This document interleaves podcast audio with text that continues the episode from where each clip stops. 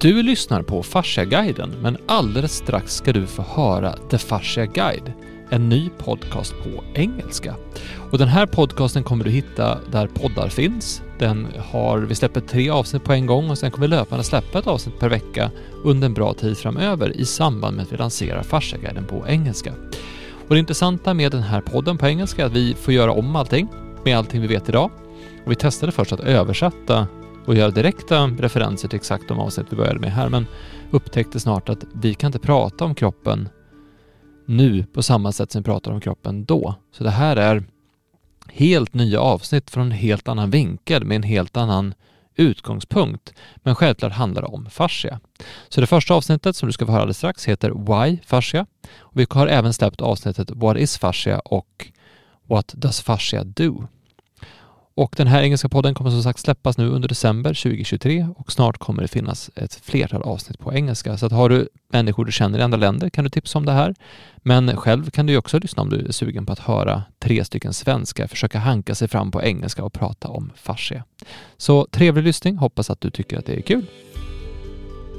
You are listening to the Fascia Guide, a podcast about the living body, about new research and a new perspective on health, pain and what it means to be alive. The Fascia Guide is a conversation between Hans Bohlin, innovator and fascia expert, Per Johansson, doctor of human ecology and historian of science and ideas, and me, Axel Bohlin. First of all, we need to introduce ourselves and why we are here. And let's start with you, Hans, because you were the one who actually dragged me into this and you dragged Per into this, and we've been working together now for 13 years. Why are we here? The thing we started to do, I, we started, I started to treat people with just looking at the balance and, and posture because it's all in the textbooks. If you if you look at manual treatment textbooks, it's about balance and posture. And uh, then I we we this we manufacture a device for making the treatment manual treatment more effective. And um, we, I saw that we got tremendous results, but we, we couldn't explain why. and and then I started to see uh, are there any science or, or scientific papers about balance and posture? And then I saw that it wasn't really that way. So my first interest was actually to see why can people be uh, healed or better with low back pain quite fast, and why, why isn't it understand? So that was mainly my my idea to try to, to try to see if what's pain and, and how can you cure it? I, I, remember this frustration because back back then, back in 2010, 2011, we we took pictures of people yeah. of their posture, like before and after, and we took six images. We could see how it changed and everything. And for me, who was really new at this, I was just uh, 19, 20 years old. Yeah.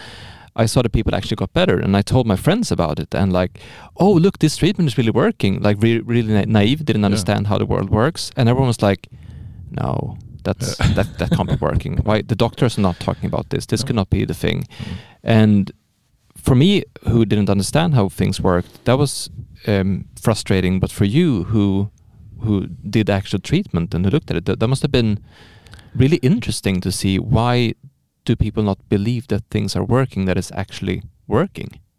Yes, for me it was it was like it was you can see the living body is changing, changing, and and the and the the the, the customers was was better. And and if we'd have pictures before and after, it was actually showing reality before and after. And and and the the thing I was a little bit uh, um, puzzled by it was I, I met a professor, two professors actually, and they had a they had a, a conference in in uh, in in about another disease and was a, a uh, American doctor was there and, and show cases about uh, treatment before and after. And one of the professors said, this is this is just reality. It is not science. And then I understand. Okay, so so reality and science is not the same, uh, because for me, reality is is actually quite. That's true, the, because that's a living life, reality. So, um, uh, but it's it's um, I think therefore I took con uh, contact with you, Per, because being going into the scientific world as we get, uh, did from from a more manual treatment or or um, proven effect of treatment was not the the way they looked at the scientific world. So therefore I think we we started to see can we have a podcast about how I actually because I full disclosure here, Hans is actually my father. Yeah. So sometimes when I came home for for a family dinner, I just went into the the living room and there was papers everywhere. And he was sitting there in the middle and he had all these papers around him, all these research papers. It could have been like 50 reports or something.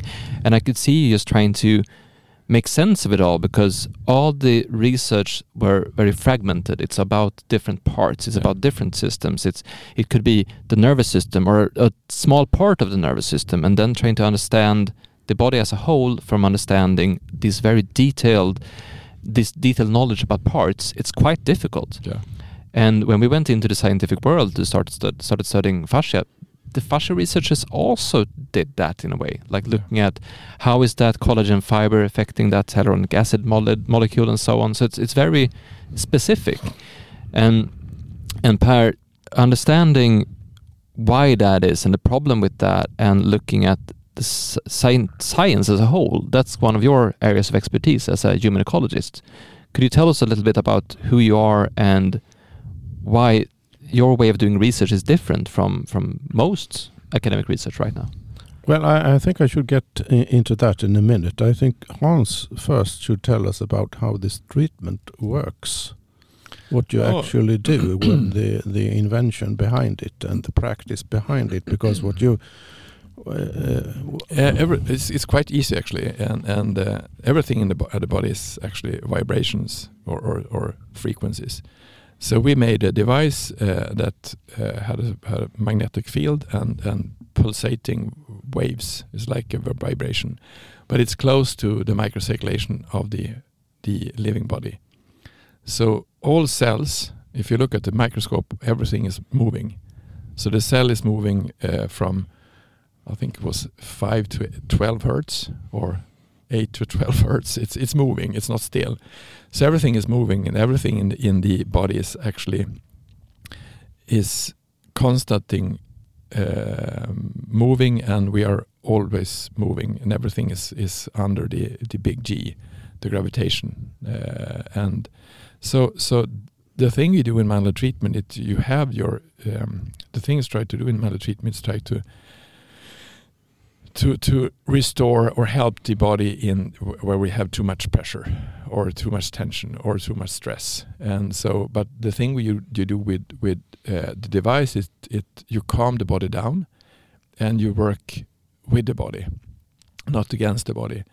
Uh, so the thing we actually did from from beginning was to see if if you if you we took pictures from from the front uh, and the back and and the the profile and see the movement of the head and see are you it's like a two-dimensional way of looking at three-dimensional because we, we're not good at looking three-dimensionally actually.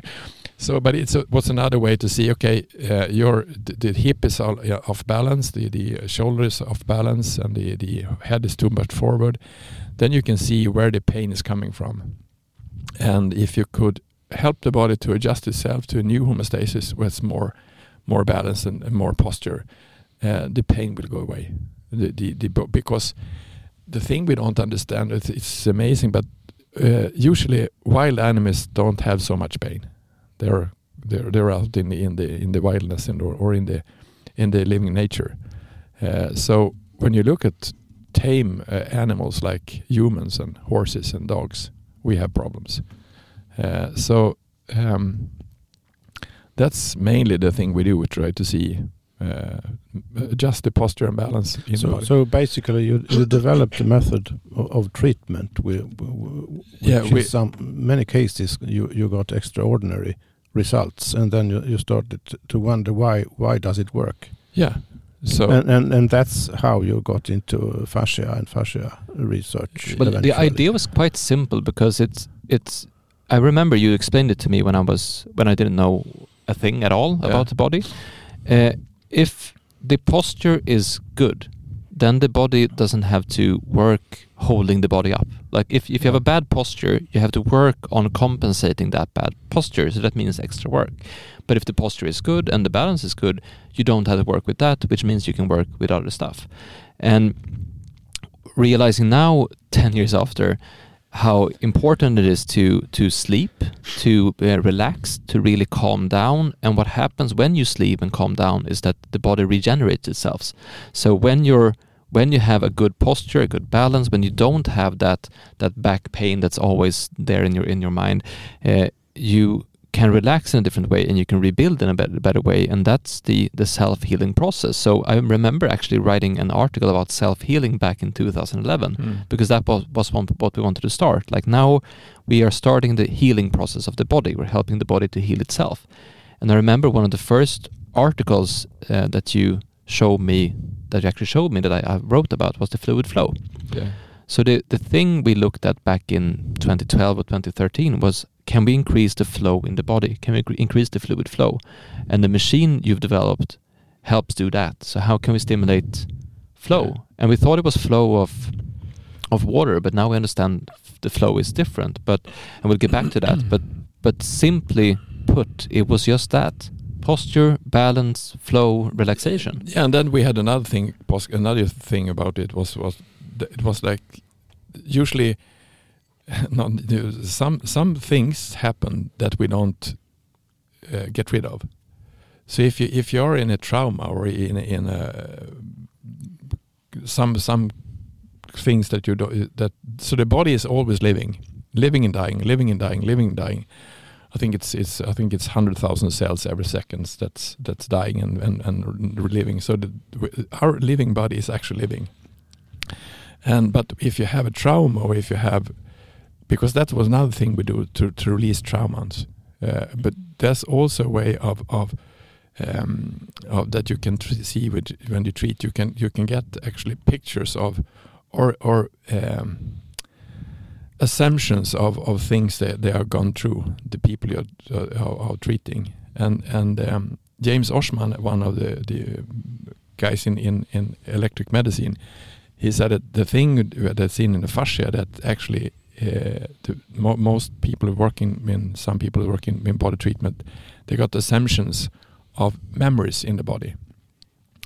So one thing I, I, I was puzzled about was that separation of of um, the things we're living and why we don't take in the, the, the things we're because we don't we don't know if you're in a trauma that has nothing with the body to do but the body is everything so why is trauma not interesting uh, or or why, is life not interesting to see when you look at the body from a, um, a mechanic or or a, um, like doctors look at the body.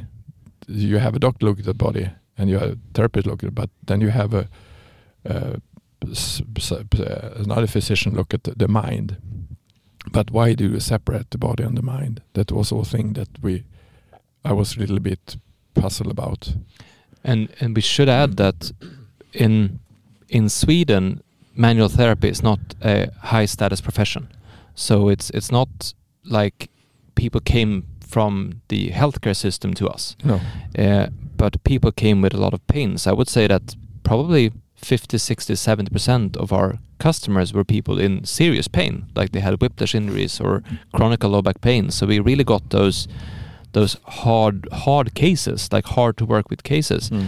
and a lot of them were whiplash injuries. And when you have a whiplash injury, you have the, the trauma. So that the the question of how does trauma work is the trauma stored in the body? How does a, a whiplash affect the whole body, and how, how why is it not healing sometimes, and why why is it healing sometimes? That was questions we had really early on, but there was also a, a frustration because I remember you had first sketch of a whiplash center, like an idea for a whiplash center Yeah. back in 2012, and we presented it to insurance companies, we presented it to to um, uh, medical doctors, we presented it to all kinds of people, saying, "Hey, this is really something we should look into." Mm. But uh, because it, it has worked, we have these cases showing it works. Can we can we do some new research on it? Can we can we do some uh, healthcare process about it? But but the they were not really interested, and I I was young, I was naive, and I was interested in why are they not interested? Mm. Why is it not? Why is this not uh, something that that people can understand or want to understand? And that brings us back to you, Per, because because we should say that both of us have had listened to your other work um, a lot. I, I've Mm. probably listened to a hundred hours of you talking in podcast before we even started recording together. So you have a background in explaining complex things in a simple way. And that comes from your work as, as a human ecologist, right? What, what does a human ecologist? Yeah, well, I, I actually started out as an um, I I became educated in the history of science and, and ideas, and the reason I was interested in in, in that was uh, actually what is in philosophy called the mind-body problem, which Mm. stems from the French philo- French 17th century philosopher René Descartes, who who, who postulated there that there was a a radical uh, separation between the mind and the body, and uh, the mind lived in its world, and the body lives in the physical world, and they and never the twain shall meet. So, uh, and that uh, that separation actually was uh, very useful for studying the external world objectively. Uh, so uh, it, it it contributed a lot to uh, the development of modern natural science. The the philosophical problem, however, was that uh, in our human experience, uh, we we don't experience this separation we- because we live we, we experience ourselves as living in our bodies, and our bodies are present in the external world and in our daily experience. That that's not there's really no discernible difference between what is labeled the outside and the in, inside if you stop to think about it for a few minutes. However, once this idea of the separation had become established in philosophy and later on in science, and and uh, uh, you got you get this mind-body problem. So that's why I started uh, to study the history of science and the history of ideas because I I I, I, I uh, very early on thought that this is a really stupid idea. so how how how could philosophically speaking and experientially speaking uh, it, it, it so so obviously goes against um, reality so so I I, I, one, I I put myself the question how how on earth can such a well to be blunt wrong-headed idea Mm. establish itself at all because it has established itself. It's Yeah. become institutionalized in the Western world so completely that that that is almost impossible to to e- to even think about um, mind and body being intimately connected all the time. So I, I won't go go in. Uh, we will have a reason to come back to that theme Mhm. later on. Uh, as for human ecology, uh, I I got wind of a new discipline come uh, established at Lund University in the south of Sweden in uh, the early 90s. Uh, uh, there was a new professor in uh, in the subject of human ecology, was a, which was a new subject, new discipline at Lund University, and I thought this is uh, sounds quite interesting because it was meant it was an um, an interdisciplinary interdisciplinary subject concerned with the re- relationship of human beings to nature.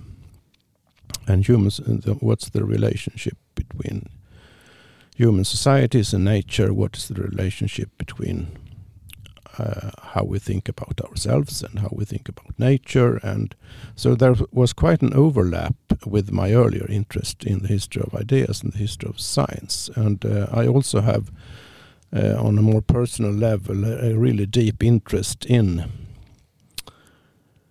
biology, evolution, and living organisms. So I, I, I, I uh, well, I, I became involved in this new new discipline, human ecologist, uh, human ecology, and and I started teaching.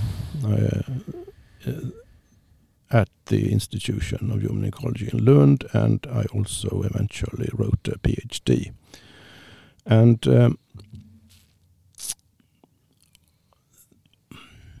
what the main focus of uh, my thinking and research uh, regarding human ecology had to do with what is an organism in Mm. an ecosystem. And I, I think that that question is quite analogous to what is a human being in society, because, Mm. because you can view society as an ecosystem as well, and you can uh, and uh, society obviously exists within nature. So there, just as there is no real separation between the inner world and the outer world, between mind and body, there's no real separation between society and nature either. So on a, on a quite abstract meta level, there are sort of related questions. So I, I, I started to in, try to integrate uh, my knowledge of the history of ideas with my knowledge of uh, ecology and uh, uh, how organisms uh, work in their environment. And uh, one thing uh, that became obvious to me was that you cannot think of a living organism without an environment, Mm. and you cannot think of an environment without an organism Mm. for whom it is an environment. So organism and environment are, are really inseparable. So you cannot understand the inside workings, whether it's physiological or anatomical or behavioral. You cannot understand uh, the organism as such without uh, taking into account how it interacts with the Mm. environment. So, so uh, uh, uh, the proper perspective on a living organism, including a human being, of course, uh, is to see it as constantly acting and changing in Mm. relationship to what it experiences and what it does, and how the in, uh, environment, uh, different aspects of the environment, reacts upon that. So, so that's how I got into thinking about how can you understand it, it's you could call it whole wholeness, but I think it's uh, it's too uh, too uh, vague a word. Wholeness is quite is quite vague. I, I, I could say that the an organism in its environment is a kind of wholeness, but Mm. that doesn't say very much. It Mm. just so so you have to sort of um, ask yourself how uh, which organism is it? Okay, it's a human being. Mm. What kind of organism is a human being? Well, it differs quite a lot from other organisms, but Mm. still, it, it's uh, on a physiological level and molecular molecular level, if you want. It works very much like any other organism, but in other respects, it it it has its own lives in its own uh, self uh, sort of constructed world. So, uh, well, uh, this is getting perhaps a little, little long-winded, but but one more point, uh, which uh, makes uh, human ecology and the history of ideas relevant in relation to one another is that the way I, for my, to my own satisfaction, sort of starting to solve the mind-body problem was by means of thinking about artifacts, artificial Mm. constructions in the external world. Because what is an artifact? What is what is an artificial construction? What what is an institution? What is a road system? What is a city? A- a- and anything that humans have made started out as an idea inside the brain Mm. or thinking Mm. of one or more people. And they they thought this we will realize this, we will build this. So we have something which is called an idea, which is exists on the inside, so to speak, and then this is actualized in the external world. So what have you then? What what do you have then? You have ideas physically, materially existing in the external world. So the very fact that we as human beings can manifest ideas in this concrete manner proves that there is no real separation Mm. between mind and body. Body then sees as seen as a, as a physical object. So there's no real uh, separation. And this i- is uh, extremely relevant to the understanding of human ecology, of, Mm. of a human, the relationship between human beings and, and nature. Because what we do is um, we externalize, externalize our view of the world Hmm. Outside ourselves.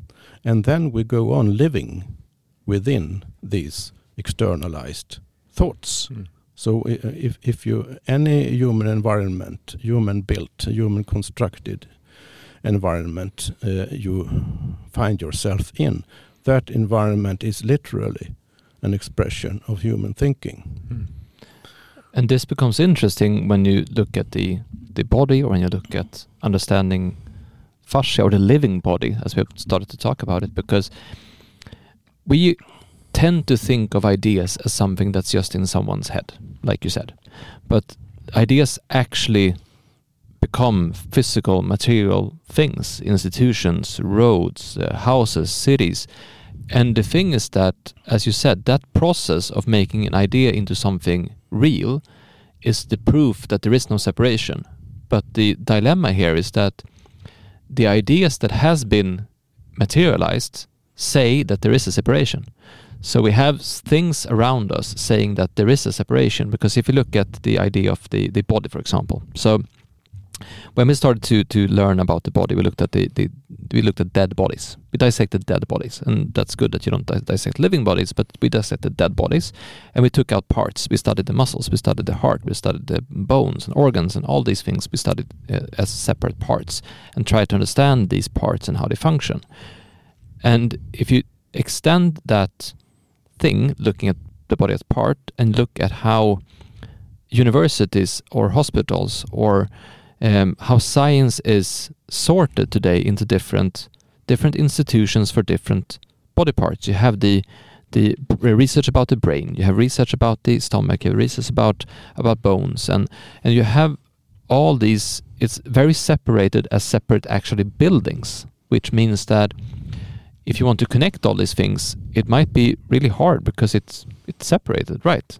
Yeah, it's separated, physically separated in the way you said, and it's also intellectually separated. And this goes, it's most uh, obvious if you look at the, our educational systems, our school systems, where you, as a rule, still uh, learn one subject at a time, so to speak. During one, if you're a child and go to school, you can during the very same day you can you have one hour of biology, then you have an hour of history, and then you have an hour of mathematics, and then you have an hour of chemistry, and and And then you have some movement in between, Uh, some PE, then- sports or something. Yeah. and, uh, so so uh, it's uh, it's it becomes ingrained in us very early on that things are to be thought of as separated from Mm. one another. So so uh, this means that no no one it, it become well one consequence is that it becomes quite troublesome and to to um, try to think it together again Mm. becomes really hard because you if you're confronted with all, all these separated subjects, all these separated parts, and then you're asked to think, how d- how do they fit together? How do you put the puzzle together again? Then then you're kind of handicapped because you haven't really learned how to view things from uh, a kind of meta perspective, a kind of uh, a perspective which means that everything is in relation to everything else, and Yeah. that everything interacts with a lot of other things all the time, and things are change. I think I think the problem when when we when I started this, you had you have explained this to me now when uh, we- we- the the, the separation and, and the the idea background from the 17 uh, 17 uh, Descartes. 17th Yeah. century, yes. But I, I the, the problem the problem when, when I started to, to meet science scientific no, uh, professors in I was a, I met a professor he was um, uh, he was a professor in, in, in medicine and his specialty was in inflammation inflammation processes in, in, in micro uh, in the cells and what they're doing and it's it's quite a niche area but inflammation is so big in the in the in the medical industry because most of the, the diseases we have in, in in Western medicine is and Western diseases are actually caused by chronic inflammation. So he was quite known, and so I, I started to I started to the first paper I sent him was because I wanted to understand low back pain, and it was a, a scientific it was a not scientific yeah scientific or a, a popular uh, scientific paper called uh, uh, guidelines on low back pain. It was 40 or 40 or 5, 50 pages, and I read it and I didn't understand nothing about it actually because it was so peculiar language and it was it was strange. So I sent it to him and, and said, uh, "Could you could you read this?" And he called me after one hour and said, "They don't know a thing." so so then then we started to see, uh, and he said that we must go and see because then it was a, a movie, no, a documentary in German. It was 2015, a German documentary called uh, a new sign, a new perspective on low back pain. Uh, and, and Ryggenschmerzen on, in, on German and, and the, the Bindegeweben, as know, the German, it, was, it wasn't German, but we should translate it into English. And so in that, in that movie, it was a, it was a research uh, center in Ulm, uh, and one of the the one was uh, interview was Vibe, no, was uh, Jäger. She was a doctor in, in Ulm. So Carl Arthur said to me, "We must go to Ulm." I was like, "Okay." Must we must we go yeah we go to Ulm because if you meet uh, the, the, the, the, the people behind them then you are five five uh, years ahead because it takes so much time to publish papers. So it's better to interview them. So he wrote an email to Ulm and said we are coming down. And said okay. So so they, they actually she was she was when I we seen her at the movie and and she was like who are you? what are you doing here? And I said, we must understand the fascia. And um, she had she, she took one one day and and got through all the different area of of connected tissue and how we could understand different living beings on on the planet and and how they're every how they're um, usually try to to adjust to the to to the way they're living or or what they are doing. And I said it, it's it, the body is quite old, so it, it doesn't. We think it's like a, it's like a, a question uh, and do many things, but she said it, actually it it just lives. It's everything is on automatic. So the autonomic nervous system do most of the things, and then you have some some some uh, species that are have different kinds of things that we don't have, like humans. Like you have bears, they go to sleep, and they sleep for I don't know a couple of months or months, and they wake up and they are they are fluid. They are not stiff, and we can't sleep because then we then we are stiff. So she she explained and how the connective tissue and the fascia and, and different kind of elements is actually adjusted by different uh, species. And she said that the the, the body is quite is quite easy. Uh, it it, it the and, and it the fascia is is is helping uh, is is helping with the, with the um, to, to to protect the body to heal the body uh, in different areas, and it's it's it's not it's quite easy. So that that that started to to see. Uh, I, then I met different kinds of, and she was broad-minded, minded, and then we met some people here in Stockholm, and and they were no in Uppsala. It was uh, pain. I was sitting down with three professors and and discussing pain, and sh and showed them fascia and the fascia suit, and they were like, what is this? because they haven't seen it before. And I said, uh, and I said, it, everything is fascia is everything is interconnected, and it, I, I, think it's like a three dimensional, uh, a three D. Uh, space no, 3D, yeah, space, no, communication grid. 3D communication grid, and they like lighting up. Yes, maybe communication grid. so, because because it's a whole different perspective. The thing we when we took contact with you was to see why is this so hard to understand, and I think you explained to me quite easily as you explained because it's actually built in the system they they are not connected. They're not not interconnected, and and therefore it was so in, it was so so hard to me to understand. But if because I explained to one one uh, also also a pain doctor, uh, uh, the the posture and the different posture and balance, and said no, this is not science. But why not? Because it's if you if you take the whole picture of our body, posture and balance, is it an orthopedian or is it a nerve end? Because you see the whole body, and they just see different parts. They see the lungs, they see the, the heart, they see the muscle, they see the the, the, the joints.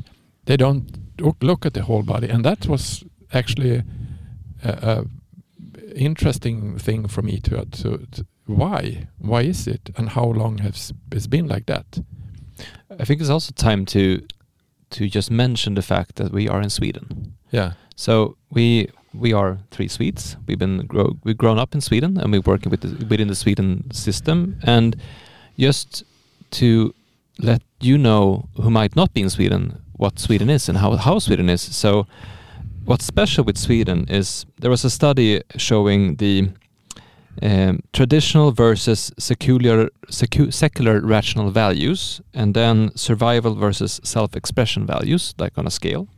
And you have um, Catholic Europe in the middle somewhere, and then you have um, African Islamic countries to the lower left, and you have some very traditional uh, countries in South America and so on. But Sweden is on the top right in the whole world. So this is the most rational, sec secular, self-expression country in the world. Very extreme when it comes to the the rational ideas of the Western society. Like Sweden is an extreme case. So when we're saying that we can see how these ideas actually are are in our the fabric of our society, it's not just something we're making up. This is actually Sweden is very uh, very typical in this case. This is and this is also a reason why Sweden is it's a weird country in many ways. And you look at the the um, the population and the large companies or industries or innovations. If you look at big brands or big uh, uh, companies from Sweden, you have the the Spotify, the Klarnas, the IKEAs, the Volvos. It's it's a lot of big companies that has been founded in Sweden. Why is that? Why is Sweden so so different here? And when it comes to to our way of looking at things, we should know that Sweden is a is a pharmaceutical company. Like the if you look at the of the public companies that we have in Sweden, the by far largest one is a pharmaceutical company. Uh, it's I think it's twice the size of the next largest one. That's how big the pharmaceutical industry is in Sweden, and it's also a the country with the Nobel Prize. So we have the we have a um, we are special in a way in in right Per? If if, if you want to understand the this like how the ideas have have made themselves appear in society and affected our way of thinking and doing things. Well you you could say with only a slight exaggeration that there are two fields which are very highly if you're speaking about knowledge there are two fields uh, which are very highly valued above all others in Sweden. One is engineering and the other is hard science. Mm. Uh, hard science then meaning specialized, uh, for example, molecular biology or something. So, uh, or, or mm, brain research and whatnot. Uh, Sweden is very accomplished in in several areas of engineering science, uh, digital uh, technologies, um, molecular biology. Uh, in other words, fields in which you specialize in conceptually understanding and studying uh, the world viewed as external to experience. And this means that uh, Sweden has been uh, Swedish companies uh, has have been very good at uh, in, in, in invention and and uh, creating new technologies. It has been been that way uh, for well a couple of hundred of year, hundred years at least, and as you said, pharmaceutical industry is very dominant. Also, the network and mobile industry is quite large. And why this is interesting is that this has profoundly affected the way we're thinking of things, and that's the the parallel that I don't hear people um, making as often is that how a culture is, how a society is, actually affects the way we're thinking. Because what we have seen throughout years, because now Mm. Hans, you've been treating treating people for 13 years, Mm. and we build up uh, uh, companies with a lot of clinics that we have. So we're, right now we're probably treating um, thousands of people every month Mm. um, or every week perhaps. And what we're seeing is that people have an interesting way of looking at their body. Mm. Like here, I don't know if it's the same where you are, you listen to this, but we have a way of looking at the body as an object, as something that is not really part of us. It's like my body is like a thing I'm having. And then when something happens, I it's like a bike. So my, my body is like a bike, and when something happens, like I get a puncture on the on the tire or something, I go to a, a mechanic who fixes it, and that's how we we look at things, and it's affected the way we look at the food. We're thinking of uh, food as gasoline that we're filling our tank with. So we have food that's gonna um, fill our tank, and we need the energy, and then we're consuming the energy. We're not thinking that the food actually is part of our ecosystem or the actual um, building blocks that's building up our own, own body. We don't look at at nutrition. We look at calories. So our whole way of looking at the body and what we're doing is like the body is a machine. Mm.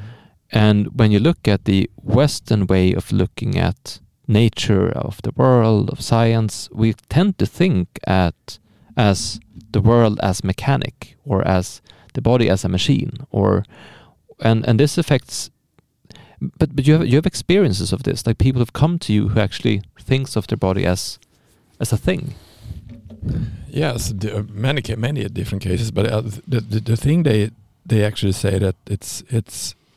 I met one last week. Um, she actually wrote me, and we had a, a, a opening in in Linköping, a Tambo new clinic we have there, and she was uh, writing to me, and and um, she wanted to come to me in Stockholm, and so I, I go to Linköping. We I, I met to meet you there because, and she said that I want to have an, an uh, diagnose all my problems. Okay. So and, I- and then she wrote me a paper of, of two, two, two, two uh, pages and, and what she, her background was, and um, and uh, I, I met her and uh, she said, "Yeah, I'm fine. I'm fine. I'm fine. My body isn't fine, but but I do everything now. I've I've divorced. I do everything for my. I always I, I focus on on on doing my uh, everything on myself." I said, "You're crazy.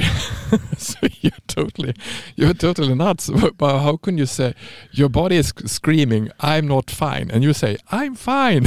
so, so how, how do how do how do you do that? How do how how how how can it come you don't see what you've been doing?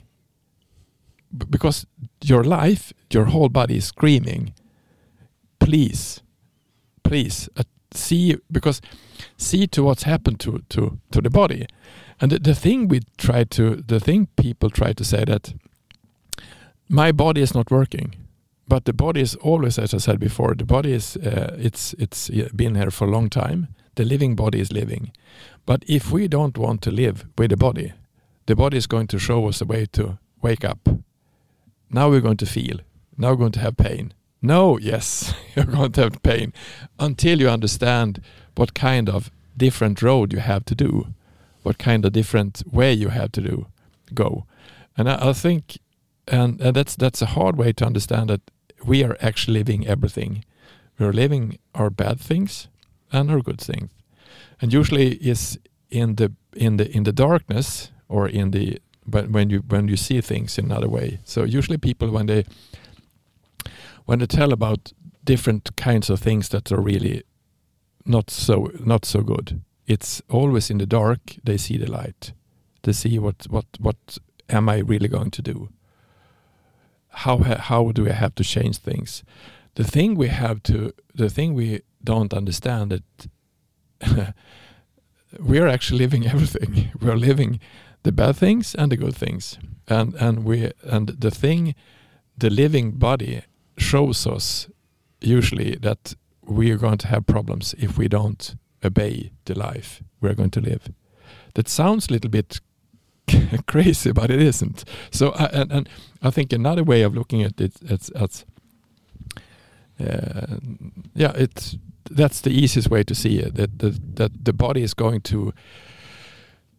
If, if we if we don't uh, if if we have a trauma, we have like as as said as if if we have say I have an accident with a motorcycle and and and and I said that what this was embarrassing. This was unnecessary, and I I'm still in the embarrassing and unnecessary.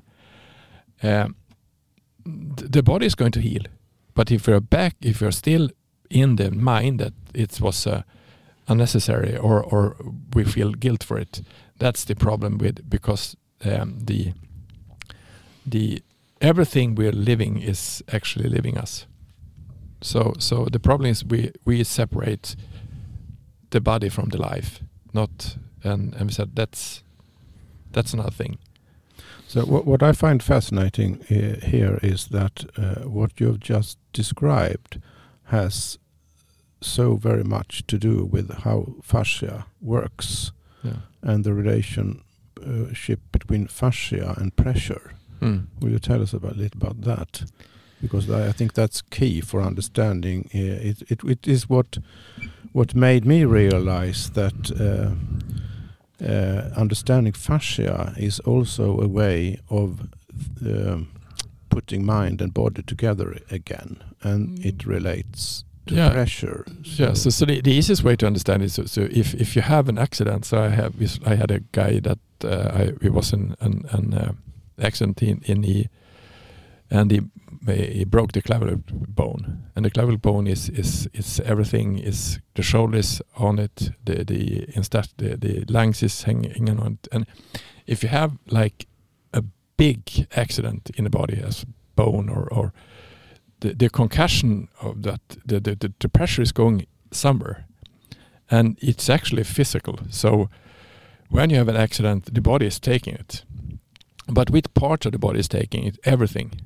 So so um, uh, I was on, on another uh, uh, um, for, for was it two months ago, and uh, another clinic we opened, and it was a, a, woman who came in. She has had a whiplash accident, and um, she had it for ten years, and uh, because Carla Stecco, one of the researchers in, in, in Italy, is a professor in anatomy, he said that if you have a whiplash accident, it's seen uh, on, on uh, uh, that it's actually the whole body, and the whiplash could be in the in the foot. So I just sat, sat down and did did the re release the pressure in the foot and the neck at the same time, like holding the foot and the body, uh, the, the, the neck at the pressure, releasing it. Just quite easy and uh, it took about five minutes and she started to cry. No, it's gone because then the pressure was gone, and the, the problem we had the pressure is is is um, the, the fascia is one of the big things the fascia is doing is we have the big G, we have gravitation,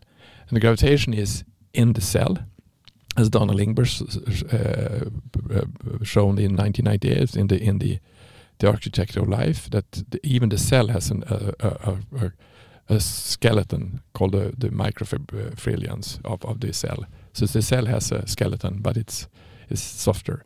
So everything is going to be uh, going to be have pressure on it. And if you too much pressure, then you have too much pressure in the whole body. You have pressure in the in the, the liver, in the lungs, and everything is going to have the pressure. And I don't think uh, I don't think we have actually um, developed to because it's we have been in cars just for 100 years so we, haven't crashed so many times. So I think we haven't we haven't evolved, developed to to to the body is, is not really done for all the concussions we have, but it, maybe it's going to have be. But but that's an easiest way to understand the pressure the pressure and the pressure. So that's uh, that's pressure externally applied pressure, so to speak. Uh, uh, you, Uh, you and, and you you can have the same but, if if but you have you can also can uh, you can actually um, Well, I, I was so I was 19 when you uh, asked me to join this. Yeah, You was going to start a wellness company, Yeah. And you needed someone to learn the internet. yeah And I was like, yeah, let's you learn the internet. I had no interest in the body particularly, basically. But then I started writing articles about what you were doing with the, Mm. with the research. I started looking at these pictures that we showed before and after. But for me, the, the breakthrough came when we went to the 2015 Fascia Research Congress in uh, Washington, United Mm. States. And I started interviewing all the researchers and trying to understand different ways of explaining what they were doing because the what you must understand is that if you're a fascia researcher, you try to understand the whole body from the parts perspective, and you try to make definitions, and you try to to decide if it's going to be a fascia line or a fascia field. And there was actually um, um, disputes within the research community back then on what you should call it. Is what, what is fascia? Uh, but when interviewing the researchers, I understood that there's a way to there's a gap here between what they know and how they explain it. But one guy we met, Julian Baker, he said that the simplest way to understand the body is load and unload of pressure, Mm. which means that the body is made of handling pressure. The interesting thing about that was a couple of years after that, you invited Heike Jäger to come to us in Stockholm. Mm. So in 2017, she was in Stockholm and she held a four hour lecture of all the fascia research she had been looking at. And it, it was a long lecture. I mean, four hours of specialized fascia. The thing was that it was in English, and the audience barely knew English because Swedes are good at English, but not the older ones, or you Mm. know. And so I had to uh, summarize and and um, translate into Swedish what what she was saying. But she showed this really interesting image of all the things affecting tissue regeneration. So she she had all these like 50 studies showing how um, age affects how the body can regenerate tissue and how uh, diseases affect it and medication and nutrition and stress and uh, both social stress and physiological stress and, and movement and uh, uh, genotype and and um, uh, pollution was a big thing. So all these different factors affecting it. And that start made us start to think okay what is what is pressure Mm. like so if you take the simple idea that the body is made to load and unload pressure and then you add all these things that she has shown affects tissue regeneration but what does it mean to be under pressure? Mm. so i'm under pressure right now. Or what does it mean to to um, move in a certain way or act in a certain way? So so pressure could be thoughts. And then we we had a connection.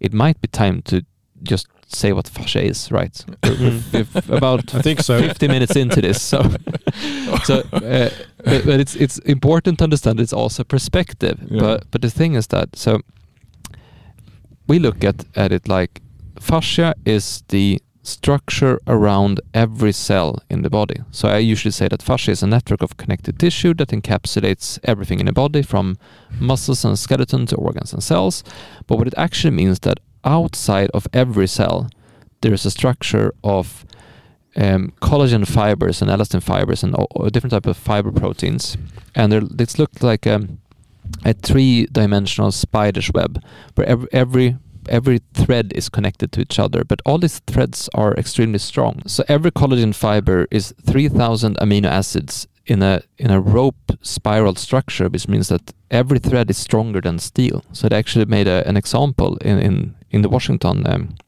uh, or in the in the Berlin conference in 2018, where they they took collagen fibers and added like a, a massive weight to it and see how how much strain it could hold, and it could hold a lot of strain Mm.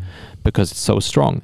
So outside all cells, you have this this fibrous network of tissues, uh, but you also have the fluid flow, and that's a thing that has been more put into focus the last three years or so. That the fascia is also the flow that goes between this whole network.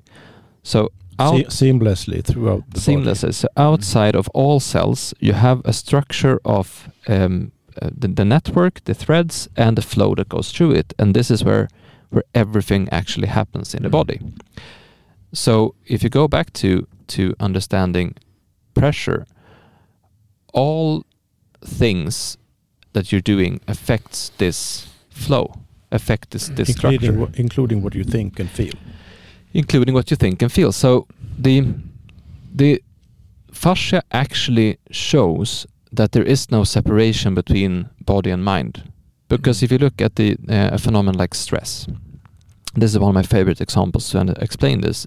When you're stressed, what happens is your body starts to react. So the um, the tissue tenses, the muscle tenses, and you shut down some systems. You just Mm. shut down the digestion of food, for example, because it's unnecessary to digest food when you're stressed and about to fight a, a bear or run from something, or, or you know when you're when, when it's danger. You increase adrenaline, you, you increase uh, cortisol, you, you increase some hormones to help you deal with what you're going through. You prepare your, your you, you change your heart rate, you change your the way the blood pumps into your different systems. So the body has a extremely profound reaction to stress. The thing is that stress can come from almost anything. So it could be um, uh, traffic, or it could be being late to a meeting, or it could be uh, recording a podcast, or it could be holding a lecture. It can be really different things. But what's interesting is that it's also different based on who you are. So I might be really comfortable doing a podcast, but another one might not be. Or I can be comfortable holding a lecture, but another one might not be. And I I get frustrated in traffic, but another person is calm. Or I want to drive fast, and another one wants to drive slow. So so all as individuals, we're how we react to stress is very very different.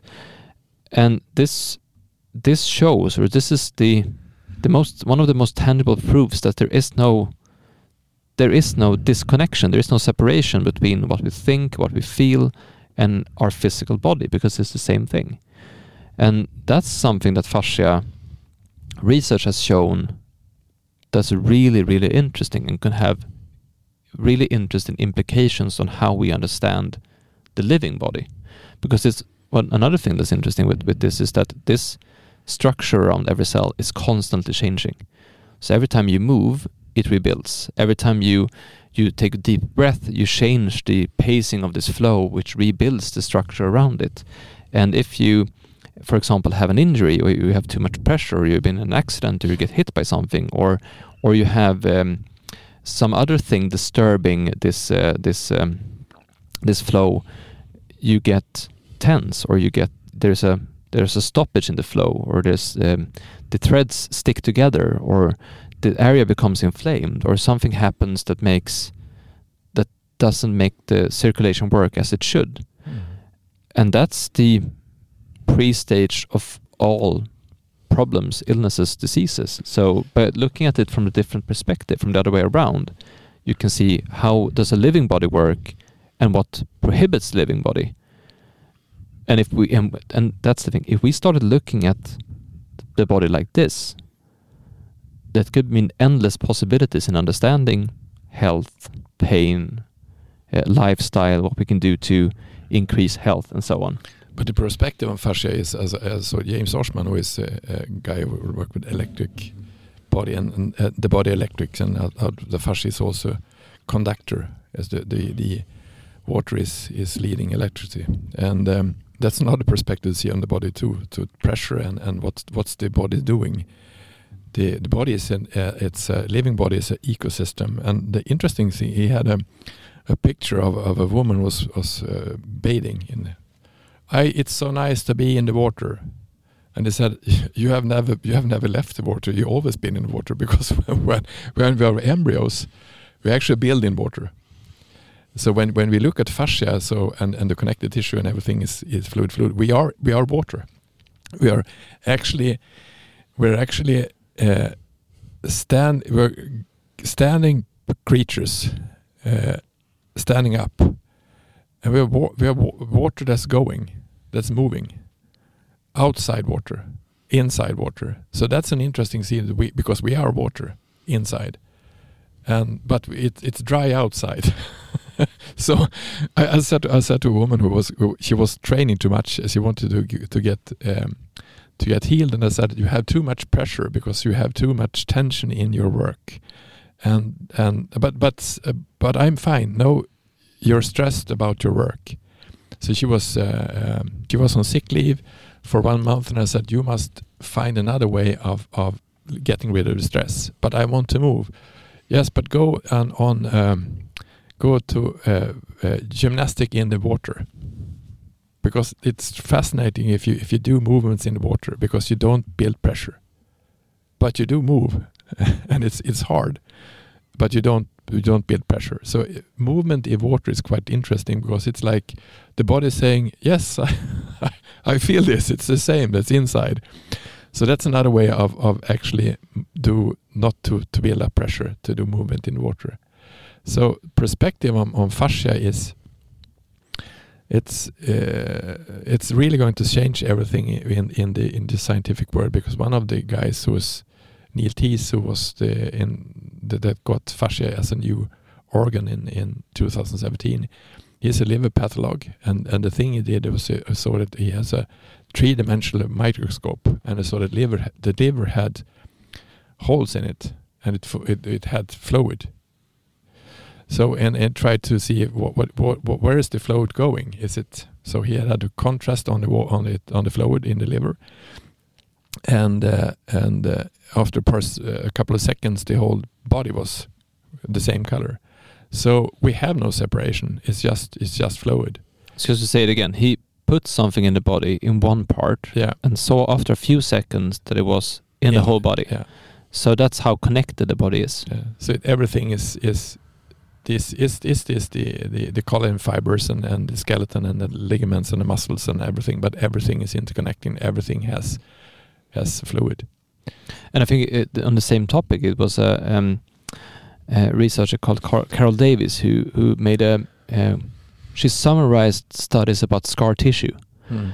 And she showed that if you have a scar tissue, for example, on your arm, the the fixes of the collagen because when you have a scar tissue, you you produce more collagen mm. in that area, but that change in the whole structure of the body, like how the structure of the body is balanced, that has implications all over the body. So the the whole network is actually connected. So if you have if you look at one collagen fiber in the arm, that one is connected to the collagen fiber in the heel. Mm. It's connected all over. And if you move something in the arm, there will be a movement in the feet as well, but it's very, very, very subtle. Mm. So you don't necessarily feel it, but it's actually that connected. Yeah. And when we barely stop to think about like how connected we are on the inside. And there was actually one um, one topic we studied a while back called interoception, where we actually have a nervous system on the inside just made for feeling different parts of the body, mm. like feeling different organs, feeling different things inside of us. So we're, we're much more connected and sensitive than we have learned, than we have realized we're growing up. So if we are this connective and this sensitive and the, the body is connecting in all these ways, why is it so hard for us to understand that we are one connected being?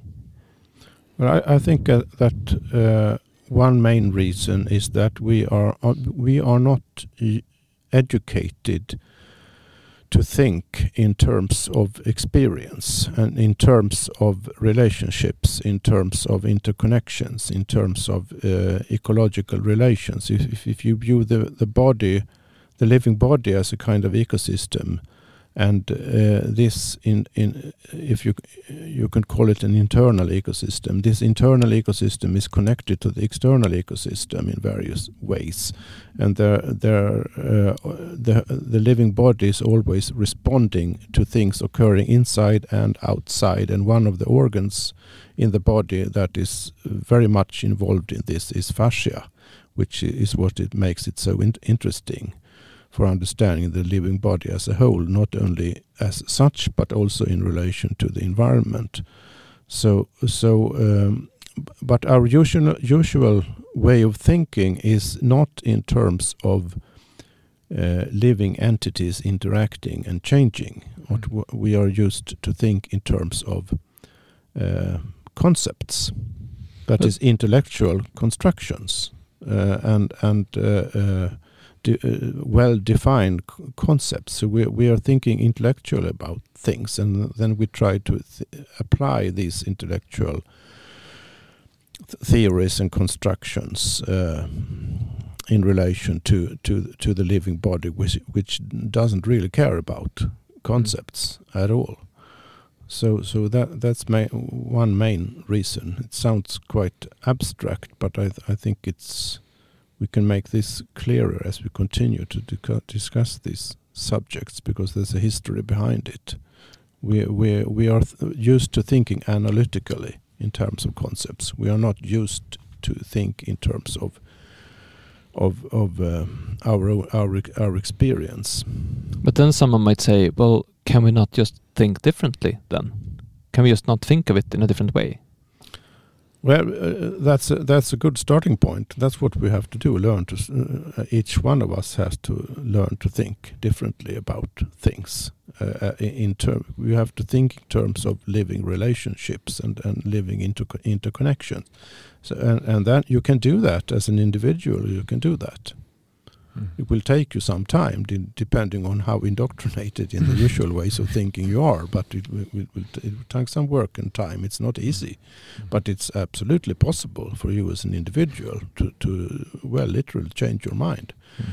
Uh, uh, what is difficult is uh, getting other people to listen to what you have found out, because most people uh, concerned with things like bodies and uh, organs and uh, illnesses and so on, they they work within an environment, a literal, constructed, conceptual environment, which is constructed on, on, on other premises, on other other basic assumptions. The one basic assumption is uh, what I mentioned briefly before, uh, the the division between the inner world and the Mm. outer world. Another assumption is that you, you it is best to understand things in terms of parts, Mm. not in terms of interconnections. I, I actually wrote an article for the Fascia Guide, uh, I think it was three years ago. Um, it's called You Have Been Training Your Whole Life to Not Be Able to Understand Fascia. And that's a conclusion to what we're talking about, actually, because we have learned to not think of things as connected, to not think of things in terms of relations, to not think of it like like you're saying. So it's we have actually studied our whole life to not be able to see this. Right. Mm. Yeah, and, and, and when you have all, all these established ways of thinking, uh, uh, are you, you- I think you have to really grasp that they are literally, physically established Mm. in institutions, in bureaucracies, in financial systems, in, Mm. in, in how, how, how, how research is financed and why and by whom. So, so uh, every, everything connected with what is studied and how research research is conducted, everything connected with this occurs within a, a, a system or a, a kind of ecology of systems, really, which which has have grown up and been constructed, as I said, on premises which are unable to handle living, changing, interconnecting Mm. beings. Uh, so so uh, and and if you if you if you confront uh, persons working within this system with th- this different kind of perspective, they might, as individual, individ- as, as individuals, they might say, having thought about it a bit, Mm. ah, that's really interesting. I think you've got a a point Mm. there. It's it, it, it, it, it's uh, but in their function in the system, it will be quite hard, if not impossible, for them to start to uh, to do things in terms of this different perspective because the institutions aren't adapted for handling it. So that's that's I think is one main reason for why it is so difficult to establish a, a, a new or quite different kind of perspective on familiar things. Mm.